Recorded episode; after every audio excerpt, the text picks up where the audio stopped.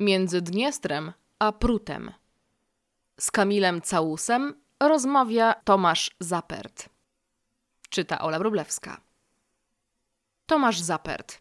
Mołdawia kojarzy mi się z winem. Słusznie? Kamil Całus. Jak najbardziej. Mołdawianie produkują znakomite wina, które z łatwością konkurować mogą i konkurują ze znanymi światowymi markami. Dość powiedzieć, że na dwór królowej Elżbiety, podobno na jej wyraźne życzenie, co roku wprost z Mołdawii sprowadzana jest partia wyśmienitego Negrude Purkari, lokalnego czerwonego wina o intensywnym smaku i niezwykle głębokiej barwie. Co ciekawe, choć Polska jest w czołówce państw importerów mołdawskich trunków, to niestety na naszym rynku najpopularniejsze wciąż są raczej niezbyt wyszukane wybory mołdawskiego przemysłu winiarskiego. Powoli jednak odkrywamy dla siebie świat dobrego mołdawskiego winiarstwa. W rezultacie coraz częściej, szczególnie w specjalistycznych sklepach, znaleźć można pochodzące wprost z krainy między Prutem a Dniestrem doskonałe wina ze średniej i wyższej półki. Wino to jednak dla Mołdawian dużo więcej niż tylko produkt. To także, a może przede wszystkim, nieodłączny element lokalnej kultury. Wino oraz wyśmienite mołdawskie diwiny, czyli lokalna brandy, towarzyszą wszystkim ważniejszym i mniej ważnym uroczystościom. Podobnie jak we Francji organizuje się tu winobranie, a w październiku cały kraj tradycyjnie świętuje wielki festiwal wina. Warto być wtedy w Kiszyniowie, gdzie na centralnym placu można nie tylko skosztować najróżniejszych gatunków, ale też wziąć udział w kursach i wykładach poświęconych tej przeciekawej i niezwykle przecież smakowitej gałęzi rolnictwa. Tytuł książki brzmi prowokacyjnie. Państwo niekonieczne. Hmm, dlaczego? Tytuł faktycznie stanowi pewien rodzaj prowokacji mającej zwrócić uwagę polskiego czytelnika. Nie jest on jednak bezzasadny, ale zasadza się głęboko w rzeczywistości społeczno-politycznej współczesnej Mołdawii. Trzeba wiedzieć, że Mołdawia to kraj, który od niemal trzech dekad, a więc od momentu, gdy pojawił się na mapie w 1991 roku, poszukuje swojej tożsamości i miejsca w dzisiejszym świecie.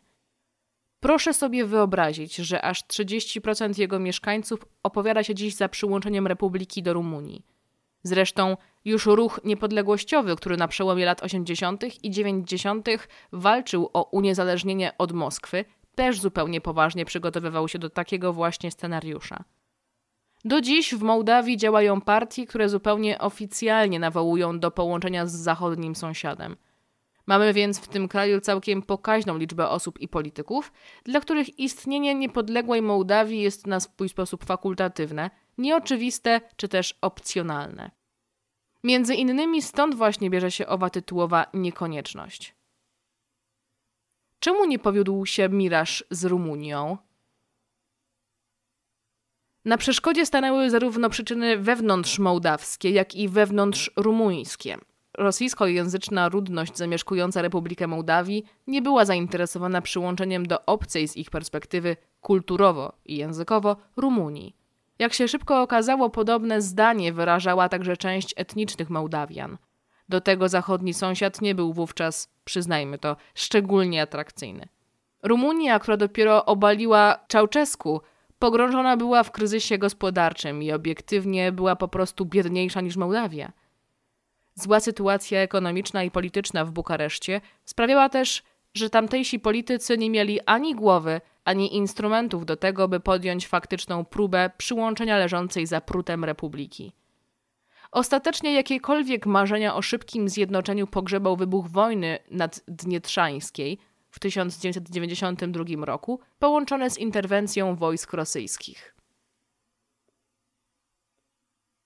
Kraj składa się dziś z trzech części. I tak, i nie. Jak wiele rzeczy, i ta kwestia nie jest w Mołdawii łatwa do wyjaśnienia. Spróbujmy jednak pokrótce to opisać. Formalnie Republika Mołdawii jest państwem unitarnym i jednolitym. W praktyce jednak zmaga się ona od samego początku swojego niepodległego istnienia z problemem separatyzmu. Jeszcze w 1990 roku posłuszeństwo władzom w Kiszyniowie wypowiedziała położona w większości na wschodnim brzegu Dniestru, ciągnąca się wzdłuż granicy z Ukrainą, enklawa zwana Naddniestrzem. W 1992 roku region ten przy pomocy rosyjskich sił zbrojnych obronił swoją niezależność przed próbującymi przywrócić porządek konstytucyjny wojskami rządowymi. Od tego czasu Naddniestrze stanowi tzw. Tak parapaństwo, czyli organizm administracyjny posiadający w praktyce wszystkie główne cechy państwa, w tym własną walutę i armię, prócz jednej międzynarodowego uznania. Drugim kłopotliwym regionem jest położona na południu Mołdawii Gagauzja. Ten zamieszkały przez turkojęzyczną, choć prawosławną ludność obszar, podobnie jak Naddniestrze, także postanowił uniezależnić się od Mołdawii na początku lat 90. Choć ostatecznie po długich negocjacjach Gagauzja powróciła na łono Mołdawii w 1994 roku i uzyskała status autonomii, to region ten, znany ze swoich niezwykle silnych prorosyjskich ciągot, wciąż potrafi destabilizować sytuację w kraju. Tożsamość narodowa mieszkańców jest rozmaita? Najprościej mówiąc, tak. Po pierwsze, mamy w tym kraju do czynienia z około 20% mniejszością, na którą składają się Ukraińcy, Rosjanie, a także wspominani już wcześniej Gaugazi czy Bułgarzy. Jednocześnie sama ludność tytularna, czyli Mołdawianie, jest pod względem tożsamości dość mocno podzielona. Część uważa się po prostu za Rumunów.